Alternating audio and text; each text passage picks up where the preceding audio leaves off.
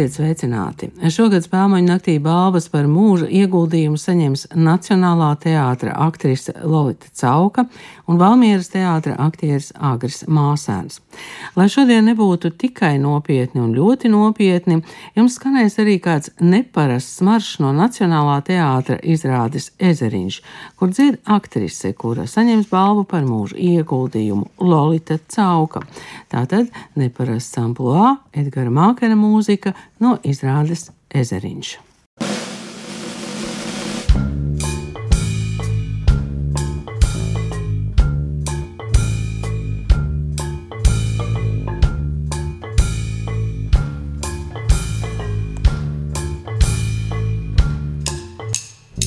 Kas ir tava partija, kāda tava likme, vienvirziena biļete, galā gaida bedre?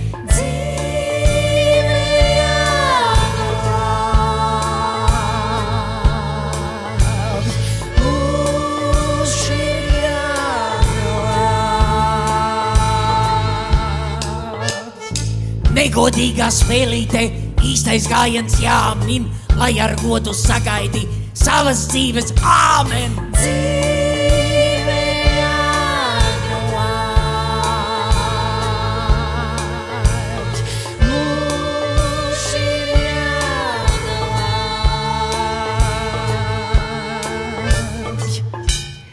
Šodien kultūras rondo sveic Lolitu Cauku un Agri Māsēnu ar mūža balvas saņemšanu spēlmaņu naktīm un sarunājas ar viņiem, kā arī uzrunā Ievu Struku un Ojā Rubeni apsveikumam un personiskai skicītei par abiem. Sāksim ar apsveikumiem. Nē, man negribas izlīdzēties ar frāzēm, jo skaidrs, ka zinot to sarežģīto ceļu, um, Nacionālajā teātrī, zinot, cik brīnišķīgas bija pirmās lomas liepājā, cik dīvainu apstākļu sakritības rezultātā tā atzinība pie Lotus nāca vēlu, cik viņa ir uh, godprātīgs un uh, godīgs cilvēks un cik ļoti arī spējusi iestāties par saviem kolēģiem, vadot teātrus darbinieku savienību, un cik ļoti viņa ir izmantojusi savu laiku un visas iespējas, lai arī redzētu vairāk nekā to, kas notiek tikai un vienīgi Nacionālā teātrī, un, un centusies pēc iespējas arī braukt un skatīties izrādes ārpus Latvijas. Tad, protams, nu, tas ir mūža ieguldījums Latvijas teātrī. Bet man liekas, ka Latvijas gadījumā varbūt tas pat kaut kādā ziņā ir vēl vairāk jo tā nepieciešamība domāt un stāvēt pāri kaut kādām tādām subjektīvām emocijām vai kaislībām, nu, ko tiešām nozīmē tas darbs Teātris Darbinieku savienībā. Man liekas, ka tā ir tāda nu, dzīves rūdījums un skola, un arī tāda milzīga prasme, ko es pēc sevis zinu, ka tas nav absolūti viegli, ka tev ir jāspēj pārstāvēt gan tie cilvēki, kurus tu ļoti cieni, gan tie, kas varbūt kaut kādu īpašību dēļ vai vēl kādu apstākļu sakritības rezultātā nav tev tuvākie kolēģi vai draugi, un tomēr tu spēj tam stāvēt pāri un cīnīties par visiem nu, ar absolūtu godprātīgu un vienlīdzīgu attieksmi. Tā kā, nu, jā, Lota ir cilvēks, kuru vienkārši es ārkārtīgi cienu, un arī no viņas mācos gan drosmi, gan atklātību, gan inteliģenci. Un, um, ko, ko es viņai varu novēlēt, labi pazīstot. Nu, galvenais tiešām, lai veselība, lai redz, kā tie trīs mazbērni aug un par ko kļūst dzīvē. Un tagad Ojāra Rubeņa sveiciens Valmieras teātra aktierim Agrim Māsēnam, kurš eh, man uzdod tradicionālo jautājumu, kā jūs jutāties, kad jums paziņoja, trīsreiz atkārtoja vārdu šoks. Jā, es zvanīju Agrim Māsēnam. Viņš sēdēja gultā, bija apslimis un skatījās kaut ko, laikam, ja nemaldos, vai par Izraels un Palestīnas attiecībām vai par Ukrainas Krievijas. Es teicu, Agri, ko tu dari? Viņš teica, nē, nu es sēžu gultā, skatos, un tad, kad es viņam to paziņoju, jā, tad viņš bija šokā, un, un tas viņa teiciens, par ko tad man? Un agri es gribu teikt, ka tavs mūžs uz Valmieras teātras skatuves ir bijis pietiekami noslogots, viņš ir bijis fantastisks. Un, uh, tā problēma ir tā, ka varbūt daudzi neatcerās, jo laiks ir uh, nežēlīgs. Īpaši pret teātri. Īpaši pret teātri, pret aktieriem un pret to gaistošo mākslu, ja viņi nav piefiksēti. bet tu esi viens riktīgs vecis. Ar savu humoru, ar savu saržu, ar savu tādu nepiekāpību reizēm, un es cieši tevi sveicinu un saku arī paldies par to, ko tu dari vispār kopējā teātra pasaulē. Jo es zinu, ka tu manā dzimtajā smiltenē ilgu laiku esi nodarbojies ar teātri. Šeit, 15 gadus. 15 gadus, un tu esi mīlējis to teātri, un es uh, saprotu, ka nodarboties ar pašdarbniekiem nav tas vieglākais uzdevums. Tā kā tas ir tāds komplekss, man liekas, cilvēka novērtējums kopējā teātra pasaulē, ne tikai profesionālajā teātrī, bet uh, visā mūsu tautas mīlestībā uz teātri, kur tu esi pielicis savu ļoti, ļoti, ļoti lielu devu, lielu ar tevi. Tā kā vislabākā veselība, vairāk neko citu - veselību, veselību un veselību. Tā agri māsēnu apsveic Latvijas Teātra darbinieku savienības priekšsēdētājs Ojārs Rūbēnis, bet Lolitu Cauku Nacionālā teātra literārā padomniece Ieva Struka.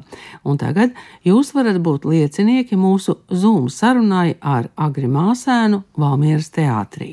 Es sākšu tā kā klasiski žurnālisti sāk. Sakiet, kāda jums bija sajūta, kad jūs uzzinājāt, ka jums piešķirt balvu par mūža ieguldījumu? Šoks. Tiešām šoks, jā? Šoks. Jo es esmu pāris gadus prom no teātra, un, un kad man Ojārs Rubens piezvanīja, es tiešām paliku kā nolēmēts. Protams, patīkami. Pārsteigums ir pamatīgs. Jūs ienācāt Valmieras teātrī tajos trakajos 60. vai slavenajos 60. kā jūs to laiku varat raksturot? 68. gadā es ienācu Valmērā. Nu, ja godīgi, tas bija mans glābiņš visu padomju laiku. Jo teātrī bija tomēr ļoti atšķirīga atmosfēra pretēji tam, kas notika visapkārt riņķī. Nu, un, un, protams, ka man bez izglītības noticēja man un Kroders un Lūcis un ķimēlu paņēma man teātrī, tas man bija, nu, tā man bija jaunības eh, balva, ar, ar, ar jaunības dienu balva, ar, kā lai saka, ar, ar lielu avansu. Nu, labi, tajā brīdī jūs sakāt, ka jums nav izglītības, bet pēc tam jūs tomēr beidzat režijas nodaļu Borisa Šķukina teātra skolā Maskavā. Tas nozīmē, ka nu, jūs nepeldējāt tajā sajūtā, ka es esmu paņemts teātrī, tad vairāk jau neko arī nevajag. Nē, nu klausieties, kā es saku, klaumies teātri intelektuāli Visi taču man vecākie kolēģi bija tomēr ar teātris fakultātes izglītību, respektīvi augstāku izglītību. Un, un, nu, man gribējās līdzināties viņiem un, un iegūt kaut kādas tādas pamatīgākas zināšanas, ne tikai no prakses teātri. Un, un tāpēc es aizgāju uz neklātienu Maskavā un, protams, ar to neesmu nekad nožēlojis. Tas iedeva pilnīgi citu mērogu aktieru mākslai un režijai. Jūsu režijā tapa izrāde Edīte Pjafa, bet uh, es saprotu, ka vēl joprojām jūs uh, darbojaties ar Smiltenes tautas uh, teātri. Es nostrādāju Smiltenē 15 gadus, un arī veselības dēļ, un vispār es sapratu, ka pietiek. 15 gadi ir nostrādāt, pietiek, pietiek jāmāk laikus aiziet. Sakiet, ko nozīmē tas pietiek? Pietiek teātrī, pietiek tautas teātrī. Nu, redziet, pirmkārt, man veselība, ja tā drīkst teikt, sagāja grīstē. Un otrkārt, nu, es nespēju vairs, ja, ja, ja nebija ar ko realizēt tos mans, kā lai saka, režijas nodomus. Nu, es biju sevi izsmēlis, ja tā var teikt. Un, nu, to es arī tā esmu nenovērojis, bet nosecinājis, ka jūs arī brīnišķīgi ziniet, un ka ik pa, ik pa septiņiem gadiem kaut kas savā dzīvē ir jāmaina. Un tur bija divi septiņi gadi. Kopā tā kā pietika, pietika. Es ceru, ka godīgi ir darbs izdarīts. Vai jūs tagad ejat skatīties Valmierā, ko tie jaunie tur dara? Kā gan citādi, protams. cik vien varu un cik vien iespējams. Nu, mums jau tagad ir tā kā padomu laikā tā gangs teātrī, tu jau meties teātrī iekšā. Jāstāvi rindā, un tas jau ir patīkami, kad jaunie tādu šunku turpina Valmieras teātra tradīcijas.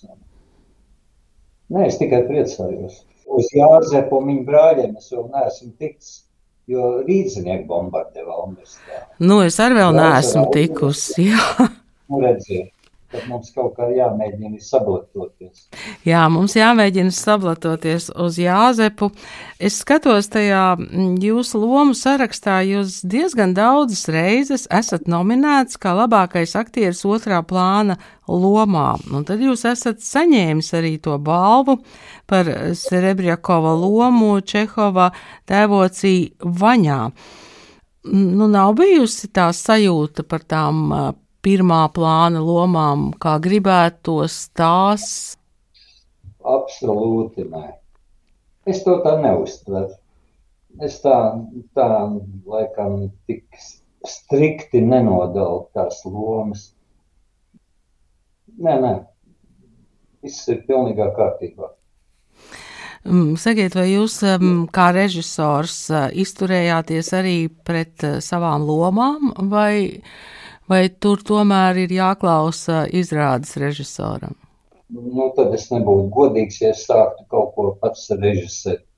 Ja es esmu pie otra režisora un man ir iedalīta konkrēta loma, tad es pilnīgi pieslēdzos tam režisoram un materiālam nevienu brīdi tur nedomāju režisoriski no savas puses. Šobrīd um, tā situācija būs tāda, ka jūs esat divi, kam piešķirtas uh, mūža balvas par ieguldījumu skatuves mākslā. Spēlmaņa naktī tā ir Lolita Cauka un jūs. Sakiet, vai jūs ar Lolitu Cauku esat uh, tikušies, nu es nezinu, varbūt kādā televīzijas iestudējumā, varbūt uh, teātra darbinieku savienības gaiteņos? Diemžēl nē. Bet ir viens darbiņš, kur mēs esam neklātienē tikušies, un par to man ir liels prieks. Viņa varbūt arī to nezina, varbūt kas zina, jo viņa man kā aktris ļoti patīk. Ar savu tādu tiešumu, man pat gribās teikt, ar to foršo skarbumu, ar, manuprāt, neizlikšanos, un otrkārt ar savu brīnišķīgo balss materiālu kas manī suģestē. Mēs esam vienā darbiņā. Tas ir billē, kur viņi brīnišķīgi spēlēja billes vecmāmiņu. Man bija tāda maziņa, maziņa uz, uz minūtīti lomiņa. Es biju nu, billēs iznāku vecstārs. Un tā kā caur neklātiem billē mēs esam ar, ar Loli tikušies. Nu, tagad jūs eh, varēsiet eh, tikties spēlmaņu naktī, un faktiski jau šis rudens eh, ne tikai ar spēlmaņu nakti, bet arī ar Valmieras teātra simtgadi. Gatavojaties Jā. Valmierā? Es esmu pensionārs, tad es tā no malas skatos, bet kā tā gatavošanās notiek, es diemžēl nezinu. Tas būs man pārsteigums. Lā, tad galvenais jāsameklē uzvalks, vai ne? Un, Jā. Un... Jānopurina putekļi un aiziet. Saviem apsveikumiem Agrim Māsēnam mēs pievienojam fragment no Latvijas radio arhīva. Valmieras teātra izrādes ugunī ieraksts 1989. gadā, kur Agris Māsēns ir muižas skrīveris Alders. Es redzu, madām, jūs mani tāpat pārprotat kā visi citi. Tos dubļus, ko frišvagars ar savu zābaku papēžiem ikdienas iemina manā dvēselē, ar aunu šļabu nevar aizskalot projām, to es zinu. Un tādēļ es arī neju uz Maskavu. Nu, bet kādēļ tad? Tādēļ, ka, madam, jūs par, par mani nesmiesaties. Man taču arī ir bijis dēls. Nu, redzat, madam, ne es esmu tāds nabaga skrīverītis ar lokanu muguru un pakaupīgu muti. Jā, baronkungs, kā vēlties, Frišvakar kungs. Šis skrivrīts ar kurcošu vēdu ar ieliem un lepnās horsta madams istabā izdzer tur ar pateicību tās kafijas apēd gabalu cepēšu. Šis skrivrīts zina, Ar ko tam klājas sejieties un tas apmeklē zirga pastu turētāju, Maskavas bodas zemes stancijas priekšnieku palīgu.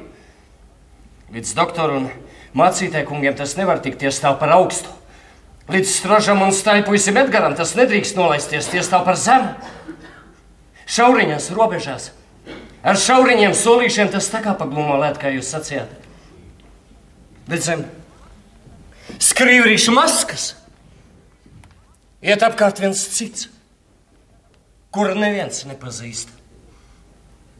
Kā lai es jums ar vienu vārdu saku, kas viņš tāds ir? Tas ir viens slepens nebēdnieks. Viņš nepazīst nekādu citu augstumu, kā tikai to, kurā krietnums paceļ, un pazīst tikai vienu zemumu, to, kurā nekrietnība nogāž. Viņš smējas par savu kungu sadauktām pierēm. Viņam ir vienaldzīgi visi cepeši. Viņš stojas tam, kas pakritis, un saka, no šī roka, lūk, atkal piecelties. Ko? Jā, madam.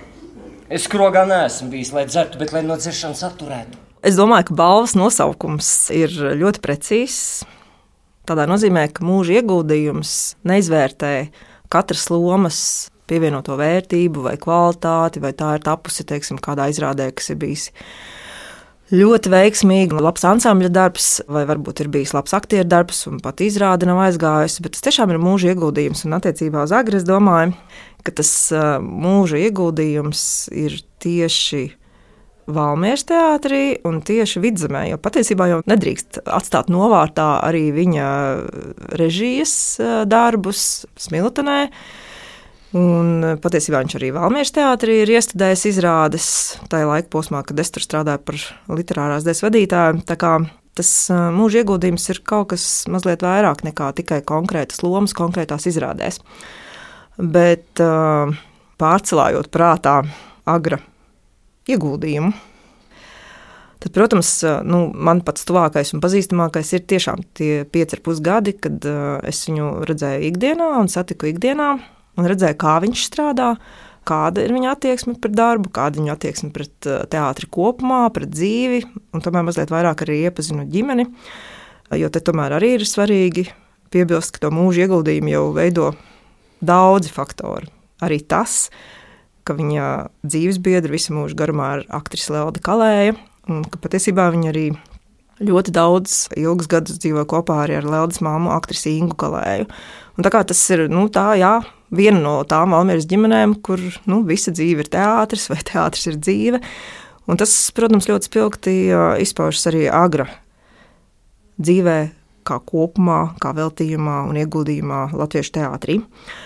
Bet par to konkrēto laika posmu, par 90. gadu otro pusi, tas, kas man šķiet būtiski pieminams, ir.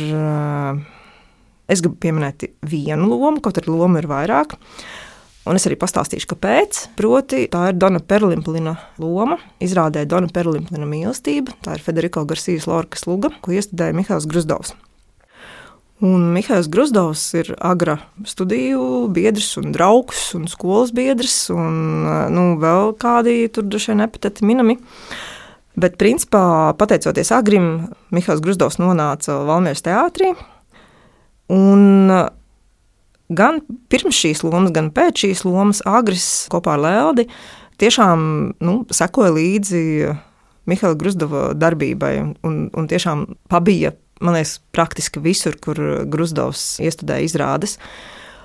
Un, nu, tā kā arī Galgā Mihālam Grusdovam ir ļoti nozīmīga loma Latviešu teātra vēsturē, tad, ja mēs šo ķēdīti turpinam, tad paldies Agrim Māsānam par to, ka mums bija arī Mihāls Grusdovs. Bet, ja mēs atgriežamies pie Dona Perlimplina, tad man liekas, ka šī loma es minu, arī pašam Agrim varētu būt īpaša, jo viņš ir tāds cilvēks, kuram ir lieliska humora izjūta. Un viņš humora izjūtu ļoti bieži izmanto arī tādai aizsargu reakcijai. Un ļoti daudzās lomās viņš ir viegli ironisks uz skatuves. Un viņam ļoti piestāv, jo tas nu, kā, kaut kādā ziņā pieder tādam intelektuālim, ja, kurš tā neļauj vaļu savām emocijām un jūtām, un, un pat, ja teiksim, mēs nojaušam atbilstoši lomas uh, vajadzībām, ka iekšā var tas emociju ugunskurs, bet nu, uz āru tas izlaužas reti vai nu, teiksim, kaut kādā kulminācijas brīdī.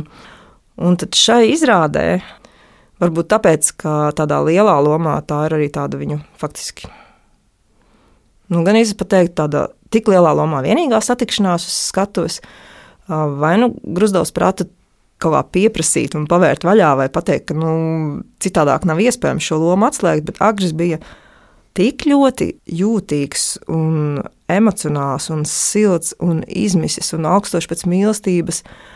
Um, droši vien, ka tam ir arī saistība ar konkrēto dramaturgisko materiālu, bet īsti viņu ne pirms, ne pēc tam es neesmu tik tik atvērtu redzējusi. Un tā kā tieši tajā laika posmā, jā, tā strādāja, tad, protams, to izrādi redzēju arī vairāk nekā vienu reizi. Un uh, varu atbildēt par saviem vārdiem, ka tas tiešām tā bija. Nevis tas bija tāds mirakls vai mana ilūzija, atbraucot no Rīgas uz Valmieru un vienreiz noskatoties izrādi. Nē, tas patiešām bija arī visā mēģinājuma periodā. Un tāpēc man liekas, ka tā ir tāda jā, skaista lieta, ka tu darbā, kurā tu strādā kopā nu, ne tikai ar, ar kolēģiem, bet uh, tiešām jau ar, ar cilvēkiem, kuri tev ir ielikumi vairāk nekā tikai kolēģi, tad eh, tu vari būt tāds, tāds kā varbūt tu baidies būt citās situācijās un citos darbos. Jā, paldies Agrim par šo lomu, kas man atstāja tādu neizdzēšamu iespēju. Un, principā, ņemot vērā, ka tā ir faktiski vienīgā šīs lūgas interpretācija, kas ir bijusi līdz šim, nu, tad viņš ir pirmatklājējs un tāds etalons, kā šī skaistā loma ir jāspēlē. Bet, protams, es esmu redzējis arī citas lomas, un tos te par tādu tuvu ir uh, kopā uh, ar Feliksu Deiču veidotā loma ļaunajā garā, kur agresīvi spēlēja Jāni, un, un, protams, arī sagādāt to emocionālo izvirdumu kaut kādā konkrētā brīdī. Un attiecībā uz ļauno garu, protams, tas bija tas viņa milzīgais kauns par sievas izdarībām, aicinot mājā viesus situācijā, kurā nav droši zināms, vai tā loterijas biļete ir vinnējusi vai nav vinnējusi. Tas kauns viņa acīs, tas arī ir tāda lieta, kas 20, nē, nu jau gandrīz 30 gadus pēc izrādes joprojām ir atmiņā. Tas periods, kurā tomēr diezgan daudz darba arī tapa pie Oļģerta Krodera un Serebrekaus tēvots Ivaņā. Bet kas ir ļoti interesanti, starp citu, arī Agris ir salīdzinoši daudz strādājis kopā ar Arī Geikinu kā ar režisoru, un tās lomas ir bijušas lielas un labas. Un varbūt tieši šie ir tie gadījumi, kad nevienmēr tā pati izrāde ir bijusi spilgta vai palikta teātris vēsturē, bet Agris tur vienmēr ir pratis tā, nu, tā to savu vietu atrast un iezīmēt. Tas uh, mūžs teātrī ir pavadīts, daudz skaistu darbu ir bijis, bet uh, droši vien kā ar jebkuru aktieri, kad tu nezini, kad, kurā brīdī, kurai skatītāju grupai tu ar to lomu trāpīsi. Un šīs ir tās manas virsotnes. Tajos piecos gados, ko es nostrādāju, Agris, protams, arī bija tieši tas cilvēks, kurš pateicoties savai interesei un tādai padziļinātai interesei par teātri, par režiju, par dramaturgiju, un pateicoties savai tādai cieņpilnai un lojālai attieksmei pret teātra kritiku kā pret profesiju, ar kur man bija ļoti daudz sarunas par teātri, par Valmieras teātri, par Valmieras teātra vēsturi, pagātni, par, par teātra jēgu, par vietu reģionā. Nevienmēr sanāk tās intelektuālās sarunas ar teātra māksliniekiem, bet nu, ar agriju tādas bija.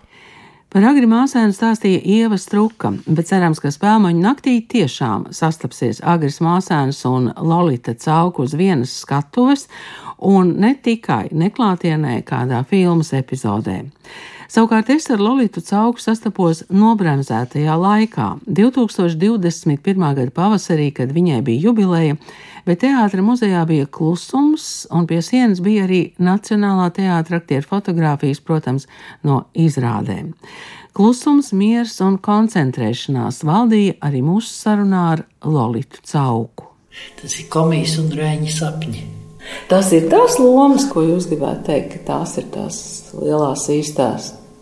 Ziniet, principā es nekad neesmu dalījis lielās, stiprās un mazās niecīgās. Man tā nav. Nu, es negribētu teikt, ka par visām tām lomiņām, kur paplāti jāuznes, es būtu šausmīgi laimīga. Tā var nebūt bijis. Bet man ir bijis ļoti interesanti. Man vienmēr tajās mazajās, starp citu, man ir bijis azarts, man ir fantāzija darbojusies. Tas ir tāds kaivs, nu kaut vai Leo pēdējā. Tā, tā cienījamā Zaksas dzimtseraks nodeļas darbiniece. Nu, tas bija tāds kaivs, tās ir piecas minūtes uz skatuves. Bet nu, man bija ļoti interesanti. Man vienkārši bija ļoti interesanti. Un man ir arī citās, teiksim, kādreiz ir tāds mazs, mazs uzdevums.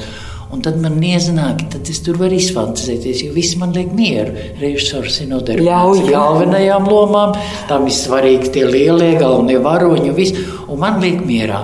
Un tad man ir azarts. Kaut ko izdomāt, nu, kaut kā tāda maza piparīša. Bet ir bijušas arī tās eh, paplāšu nesāšanas lomas. Nu, man bija ilgs periods, ilgs, jā. Jā. jo tad, kad es beidzu, es beidzu un aizbraucu uz Liepājas teātri. Es trīs gadus spēlēju fantastiskas lomas, fantastiskas. Roza bērnu bija. Un, un, un, nu, vienmēr sakot, tur daudz bija ļoti skaistas lomas. Un pēc trim gadiem, kad es atbraucu uz Rīgā atpakaļ, ar pilnu pārliecību, ka, ja nu kāds teātris kaut ko grib, tad tā esmu es. Kur ir ļoti nepieciešama. Nē, nu, tā, tik ļoti jau nebija, bet jebkurā gadījumā es nezināju to, kas man sagaida. Un tad es biju pilnīgi uz ielas to vienu gadu. Es nevienam nebiju vajadzīga, un tā lēni, lēni pakāpeniski. Toreizējā drāmas teātrī Nacionālajā. Un, jā, nu, tad es biju pēc tā principa, kas paliek pāri diezgan ilgus gadus. Un kino nāca kurā brīdī? Kino man nāca, vēl kalpa man nāca fakultātes laikā. Vēl fakultātes? Jā, tā bija gada pirms beigšanas, bija vēl kalpa vēl cinos, un pēc tam bija vispirms ir vēl kalpa, un tad vēl kalpa vēl cinos. Jā, tas bija tad. Nu, tie jau uznesa lielu popularitāti. Ne? Es nezinu, vai tur tāda tā filma aizgāja. Ziniet, man nav bijis tā, ka, oh, es tagad populāri, oh, man tagad tas, oh, tagad tikai viss skatieties uz mani, man uz ielas sveicina. Man tas tā nav bijis, un es to tā arī neesmu fiksējis. Bet tā varētu būt, ka jums tāds fantastisks lēciens, uzplaukums, lomas ir nākušas pēdējos gados. Tad, kad es jūs ieraudzīju Oseģu zemē, man liekas, ah, Kur Lorija Cauka ir bijusi visus šos gadus? Ziniet, man pašai ir mīkla, mans liktenis, bet katrā gadījumā es Dievam esmu par to pateicīga, jo es ļoti daudz kam izgājis cauri un daudz ko piedzīvojis, un tas ir mani tikai bagātinājis. Ja, teiksim, tu visu mūžu sēdi pie pilna galda, tu nenovērtē, kas tev ir uz tā galda. Bet tad, ja tev kādu brīdi noliek izsūtījumā vai citā, es runāju patreiz līdzībās, ja, tad tu daudz vairāk novērtē. Tu novērtē teātri, tu novērtē to, kas tā tomēr ir par milzīgu dāvanu, ka tu vari būt šajā teātrī, ka tu vari uz šīs skatuves stāvēt. Ka tu esi tur piederīgs, ka tu tikai ar gadiem sāc justies, ka tu esi tur piederīgs. Bet uh, es patiesībā sakot, arī daudz negribu analizēt tos tos tukšos gadus. Jo es esmu trīs reizes pieņemts drāmas teātrī darbā. Pirmo reizi man atlaida pēc diviem mēnešiem, neko nepaskaidrojot. Tad man atlaida pēc vairākiem mēnešiem, neko nepaskaidrojot. Un tagad es nesen, kādu mēnesi atpakaļ, atradu savu veco darbu grāmatiņu. Un es skatījos, vai cik interesanti. Tad, kad 90. gadā, ja 91. gadā pēkšņi mans liktenis mainījās. Man teātrī sāka dot darbu. Nu, teiksim, tādu jau darbu, kurā tu arī vari izpausties un kaut ko arī vairāk darīt.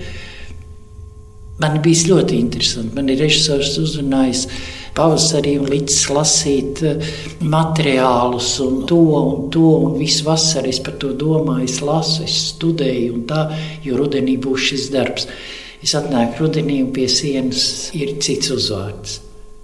Es nebiju nekāda ne disidenta, neko. Es vienkārši kā jau Auna zvaigznājā dzimusi. es uzskatīju, ka man vienmēr visiem jāsaka tas, ko es domāju.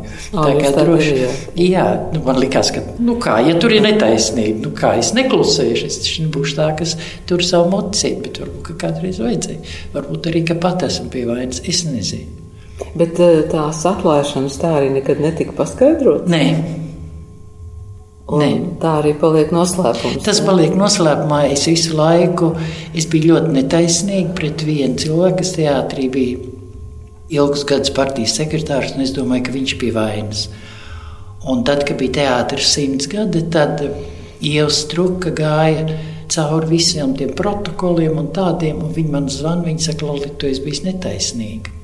Jo tieši viņš ir partijas sapulcē, ir taisni ierakstīts, tas ir, ka viņš ir partijas sapulcē teicis, kad mēs beigsim ar cauku spēlēties. Tagad tas ir ļoti interesanti vienkārši man pašai, bet nu, lai tas arī tā paliek. Vēsturē noklusēts. Bet, ko jūs kā aktrise esat darījusi tajos tukšajos periodos? Man viņi nebija tukšie periodi. Ziniet, tie bija patiesībā sakot, kāpēc es saku, es varu tikai Dievam pateikties arī par šo laiku, jo es ļoti daudz iegūstu. Es sēdēju ļoti daudz, tā kā mēs draudzējāmies ar Astrīdu Kairišiem, mēs bijām draugs. Es sēdēju zālē, es skatījos, režisors viņai dod uzdevumu, vai viņi izdara vai viņi neizdara. Tagad, kas ir nepareizi, lai panāktu to rezultātu, ko no tevis prasa, man bija fantastiski interesanti. Es ļoti daudz laika pavadīju zālē.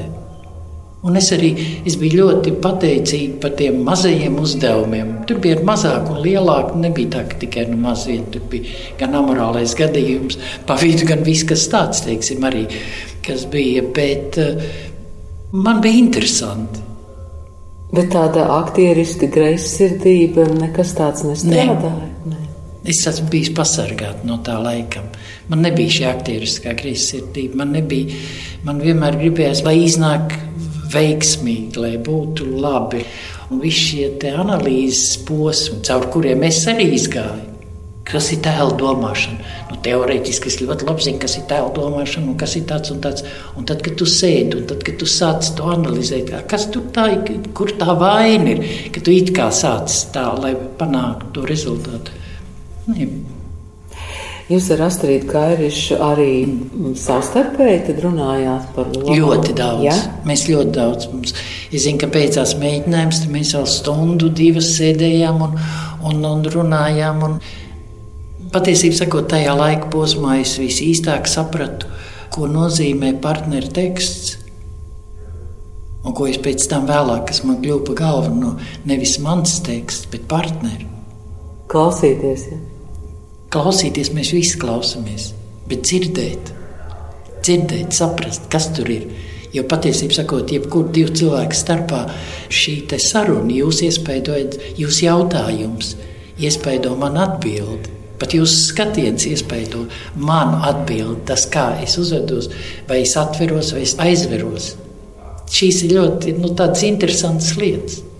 Man patīk, tāpēc savā laikā es ļoti gribēju studēt psiholoģiju. Tas arī bija tajā laikā, kad bija tas tukšais laiks. Un, nu, jā, nu neaizgāju.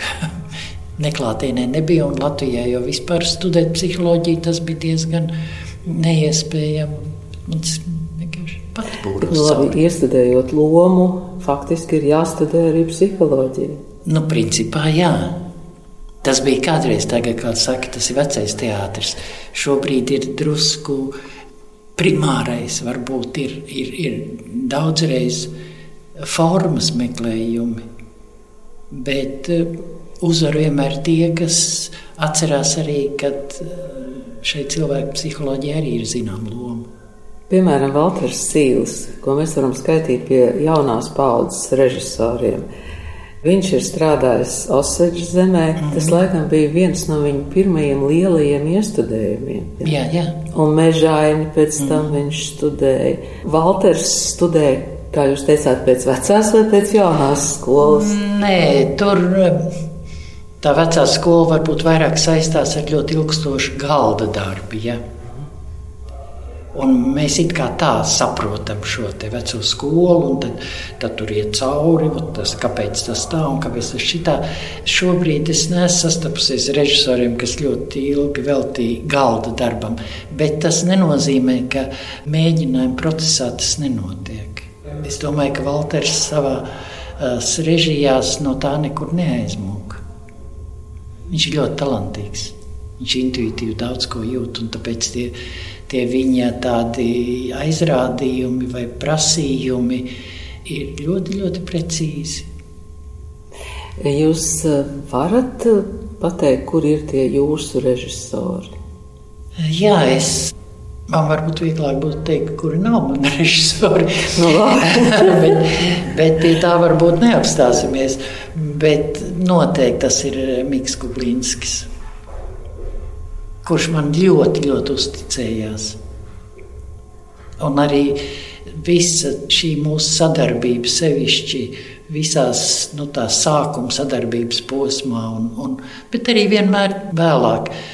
Man bija ļoti interesanti ar viņu, un viņš bija. Viņš, es domāju, ka viņš arī ļoti sajūta mani. Jo es esmu auns. Un man vajag, man kā aunam, es esmu spītīgs. Un, ja es to nesu sapratusi, tad tu man ar varu neko no manis neizspiedīsi kamēr tādu. Un, bet Mikls ļoti labi mācīja. Un, un, un patiesībā sakot, es tos visus mēģinājumus kopā ar Miku bieži vien atceros. Mēs improvizējām, mēs varējām to skatu spēlēt šādi, mēģināt, un mēs varējām atkal pilnīgi kaut ko citādāk, un tādā veidā atkal kaut ko atrast. Tas bija miks, jā. Bet es jau esmu ļoti paklausīgs. Es padomu laikā augs. es esmu paklausīgs. Bet stūrgalvīgi. jā, bet stūrgalvīgi iekšai. paklausīgi un stūrgalvīgi. Jā. jā, tas tā ir interesanti. Kā jūs šo posmu, šo laiku priekš sevis formulējat? Kāds tas ir? Man ļoti patīk. Nesen Edita Tišheizer runādam par sevi teica, es esmu aizējošā tagadne. Un es domāju, cik viņi ir precīzi pateikusi, ja runa iet par mani personīgi. Teātris mainās, teātrim ir jāmainās.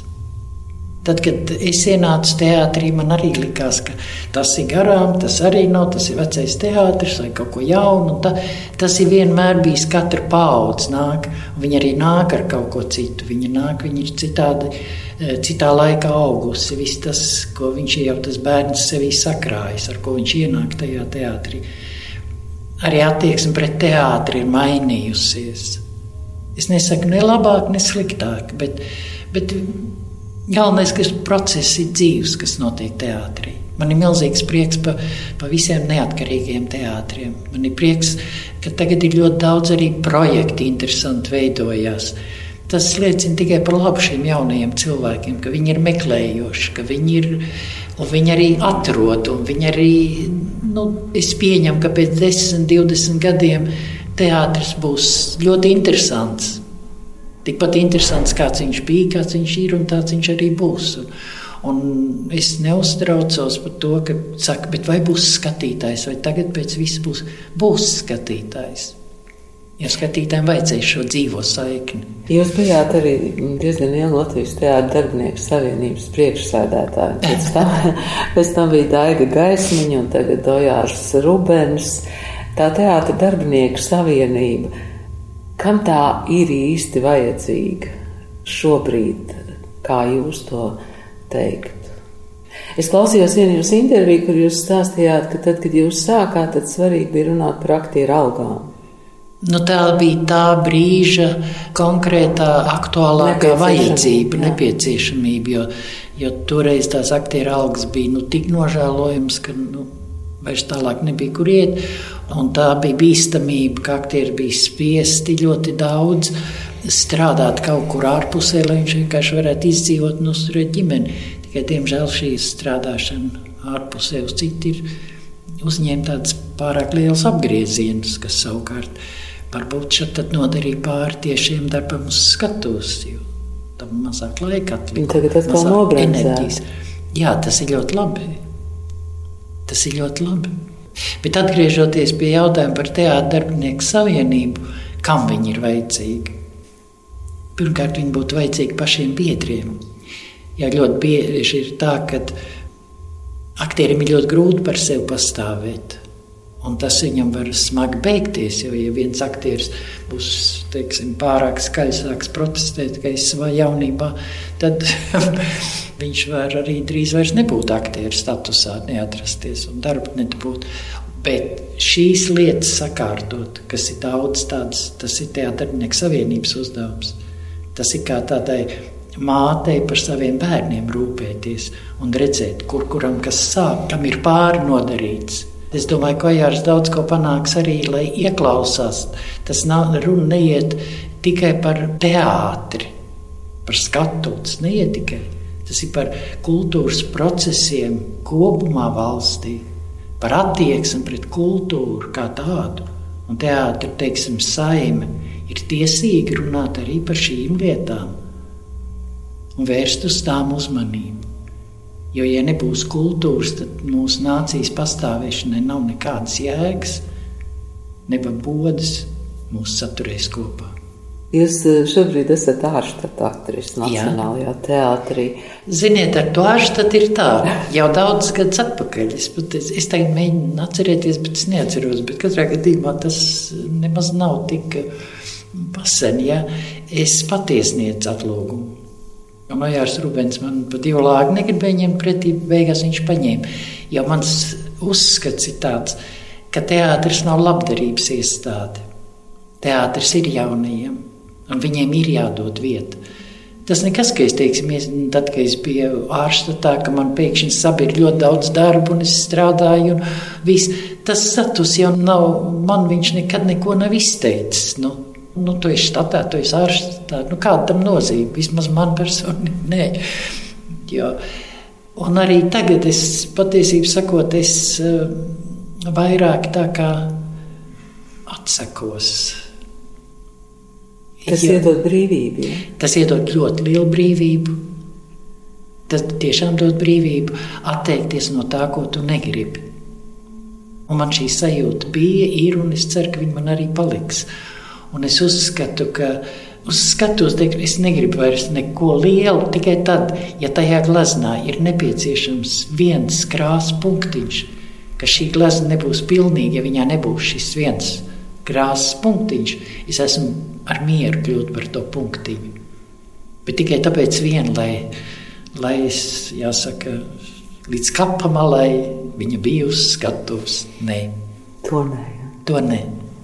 Es vispār esmu diezgan nežēlīgi bijusi arī vienmēr, jo es uzskatu, ka kādreiz padomu laikos bija tā, ja tev pēc uh, augstskolas beigām te paņēma teātrī, tev bija štata vieta līdz uh, pensijai. Un tevi neviens, tu, vai tu spēlē, vai tu nespēlē, vai tu labi dari šo darbu, vai sliktu, vai kas, bet tev tu biji nodrošināts ar šo vietu. Teātris nav tā vieta, kur tā vajadzētu būt. Tā ir cita lieta. Nedrīkst arī tā būt, kad viss eh, fokusējas tikai uz to, vai režisors tevi redz, vai režisors tevi neredz. Nu, un, ja nu režisors ir tuveredzīgs, ko tad? tad teiksim, tas ir ļoti būtiski. Smalka šī lieta ir. Un, ja kāds teātris, piemēram, ja viņš jūt, ka kāds aktieris nu, tiešām viņam, viņš ir izsmēlis sevi tajā teātrī, viņš viņu neredz. Tad arī ir jādod kaut kāda laiks, kāda iespēja, kamēr tas vai tam aktierim, teiksim, pārliecināt. Es nezinu, šos tu, kā tuvredzīgi režisori ieraudzīt kaut ko citu vai kā, bet tā nav labdarības iestāde. Mākslā tā nedrīkst būt. Tāpat kā blati nedrīkst būt. Kā kādreiz bija jāsaka, partijas biedra karta nedrīkst būt. Tas ir visos laikos. Bet eh, tagad mēs eh, ar daudziem esam runājuši, kā noturēt sevi formā. Kā noturēt sevi tādā garīgā, labā formā, mentālā, fiziskā, labā formā. Jums varbūt ir kāds padoms. Nē, man nav no. padomu. Man padomu nav. Cilvēkiem ir jādzīvo pilnvērtīgu dzīvi. Un tā ir viena lieta. Un jāatceras, ka skaudība, nenovīdība tev nepalīdz. Nekad. Un, man liekas, ne tikai teātrī. Nezinu, nu, fiziskā formā, nu, vingro, nu, kas tev traucē vingrot, kas tev traucē uzturēt sevi fiziskā formā. Jūs vingrojat? Nu, es gan grēkot, ja teiktu, ka tā regulāri un ļoti un dikti, bet jā, ik pa brīdim jā. Būs atkal jāatgriežas pie vingrošanas. es ziniet, es nekad neesmu pievērsus īpašu uzmanību saviem gadiem. Jo man liekas, ka tad, kad es biju jauna, tad es tā kā patiesībā sakot, man bija tagad drusku vairāk gadu nekā pasē. Ilgu laiku man bija likās, ka man tagad drusku mazāk gadu nekā man tajā pasē. Tur gan ir tāda bīstamība. To, to var atcerēties. Un varbūt rozā minīt leitu neuzvilkt mugurā. Bet varbūt tas, ka neapzināti ir kaut kādas pārdomas vairāk, ir, ir kaut kādi Es nezinu, ne, man ir interesanti dzīvot arī šajā laikā, arī tagad. Man ir ļoti interesanti vērot, kā cilvēki mainās. Man ir interesanti vērot, kas notiek. Man ir ļoti interesanti. Man ir interesanti pašai ar sevi, man ir interesanti ar savu grāmatu, ar savu mūziku. Tas ir vienkārši fantastiski. Pasaulē cilvēki ir reizēm jaunībā ļoti skaisti, un tad uz vecumi viņi nu, vairs nav tik pievilcīgi. Tad ir tādi cilvēki, kuri jaunībā galīgi nav pievilcīgi. Un kaut kā uz vecumu viņi kļūst ar vien skaistāki un skaistāki, uz viņiem gribas skatīties. Un tad ir tādi cilvēki, kuri ir jaunībā skaisti ar savu vēl tādu bērnišķīgo, varbūt naivumu, un, bet jau ar krampi. Un gadu gaitā uz vecumu kļūst ar vien skaistāki un skaistāki. Un pie šiem pēdējiem, par kuriem es runāju, pieder Lalita Cauka. Tas ir tāds pirmais mans, ko es gribu par viņu pateikt, jo šis skaistums, viņš jau nav pats par sevi saprotams. Tas nav tā tikai vecāku un dieva radīts. Šis skaistums pilnveidojās, viņš nāk gadu gaitā cauri pārdzīvojumiem, cauri labām un arī netik labām domām, caur analītiku, caur kultūras izpratni, caur lasīšanu, caur skatīšanos, caur mīlestību vai nemīlestību pret cilvēkiem. Un eh, man liekas, ka Lalitai šis skaistums no jaunības, tāda mazliet bērnišķīgā vēlna kalpa meitēna ar krampjautu gan toreiz, līdz, līdz vecumam. Ir nācis līdzi ar ļoti daudz pārdzīvojumiem, ļoti daudz sāpēm, ar ļoti daudz iekšēja miera nodrošināšanu sev, lai to visu varētu izturēt, bet arī ar izpratni par cilvēkiem, ar izpratni par, par to, kā notiek pasaules lietas, ar intelektu un ar sevis audzināšanu. Un man liekas, tas ir tik, tik svarīgi, ka tas cilvēkā parāda viņa dzīves gājumu. Un es domāju, ka Lolitai ir ilgus gadus bijis arī diezgan grūts un tukšs laiks, un to pārdzīvot ar tādu cieņu, tā ir liela varonība. Un tāpēc es esmu milzīgi, milzīgi priecīgs par to, ko viņa ir izdarījusi kopumā, ka viņa ir novērtēta. Jā, viņa ir skaista sieviete. Viņa ir sieviete, kura nekad nepateiks pirmo vārdu, neieklausoties citos. Viņa, manuprāt, pārsvarā vienmēr noklausīsies un tad izteiks viedokli. Viņa man konkrēti, es tos atlūgumus neparakstīju. ne tāpēc, nu, tā ka viņa, teica, jā, jā. Ne tāpēc, ka viņa man būtu nu, vienkārši. Es, es, es biju tāds cilvēks teātrī, kurš um, visus. Uh, aktierus, kurus savu mūžu ir nokalpojuši, ļoti mīlēju un es uzskatīju, ka tas ir svarīgi, ka viņi ir teātrī. Jo uh, Jo viņi ir tā kā vecāki, un to jau es kaut kur esmu teicis. Un, ja mazbērnam nav iespēja pasēdēt opapam vai omītē klēpī un parunāties, tad, eh, tad tas mazbērns ir apdalīts. Un uh, Ulds Dumpis, Lolicā, Kastrīda Kairiša, uh, Līga Liepiņa. Nu, es varētu tā saukt un saukt. Es viņus visus mēģināju noturēt līdz pēdējiem brīdim, kā nu es varēju. Un tad, kad Lolita atnāca pie manis pēdējo reizi un teica, tagad es iešu prom, tad es viņai tur lūdzos, lūdzos, un zinu, ko teica. Viņa Lolita teica tā, viņa teica, Es tā esmu pielēmusi, es redzēju, cik tas viņai ir sāpīgi un grūti, bet es tā esmu izlēmusi, jo es negribu piedzīvot to, ka kādreiz man pasaka, ka man ir jāiet prom. Tagad, kad es zvanīju viņai par mūža balvu, es sajūtu telefonā, cik viņa bija pārsteigta, satraukta un cik viņai tas tomēr arī bija svarīgi, jo tas ir bijis ļoti sāpīgi. To man arī Jānis Kubils teica, ka viņš ir aizgājis un tas ir bijis ļoti sāpīgi. Aktrise. Aktrise, kura katru savu teikumu, pasniedzot uz skatuves, allaž bija izdomājusi un izdzīvojusi ar augstu profesionālitāti, ar lielu noilgumu lomas gatavošanā un saprašanā. Un uh, ir vairāki tipi aktieri. Tur jau saka par diviem vai trījiem, bet ir tādi, kuri to savu pienesumu piedod ne tikai ar aktierisko meistarību, bet piedod ar iekšējo spēku. Un tad, kad es skatījos, kā Lorita strādāja kaut vai ar jauno Walteru Sīli pie Oseģa zemes, kur Walters Sīlis jāsaprot no pusvārdiņa. Un es iegāju, ejot zālē, šeit redzēju, kā tur viss ir cepās, jo Valters nemācēja pateikt to savu. Viņš saka, Pēters Petersons. Jā, un tas bija diezgan pasen. Bet Lolita, man liekas, viņa no pusvārda saprata, un viņai tā loma nāca grūti, bet viņai tā loma bija vienkārši vienkārši fantastiska. Un tad, kad es skatījos filmu ar Merilu Strīpu, es teicu, jā, Merila Strīpa, šī ir viena no tām reizēm, kad viņa zaudēja Lolitai Calkai. Līdz ar to man liekas, ka par viņu ir jāsaka ļoti, ļoti augstas raudzes aktrise, ļoti augstas raudzes cilvēks ar vislielāko burtu. Tā Latvijas Teātras darbinieku savienības priekšsēdētājs Ojārs Rubens par aktrisi Lolitu Cauku ar aicinājumu ieklausīties un sadzirdēt arī spēlmaņu naktī. Kultūras rondo tuvojas izskaņai. To veidoja Santa Lauga valdes rētums Anses Pavasars un Ingvilda Strautmane.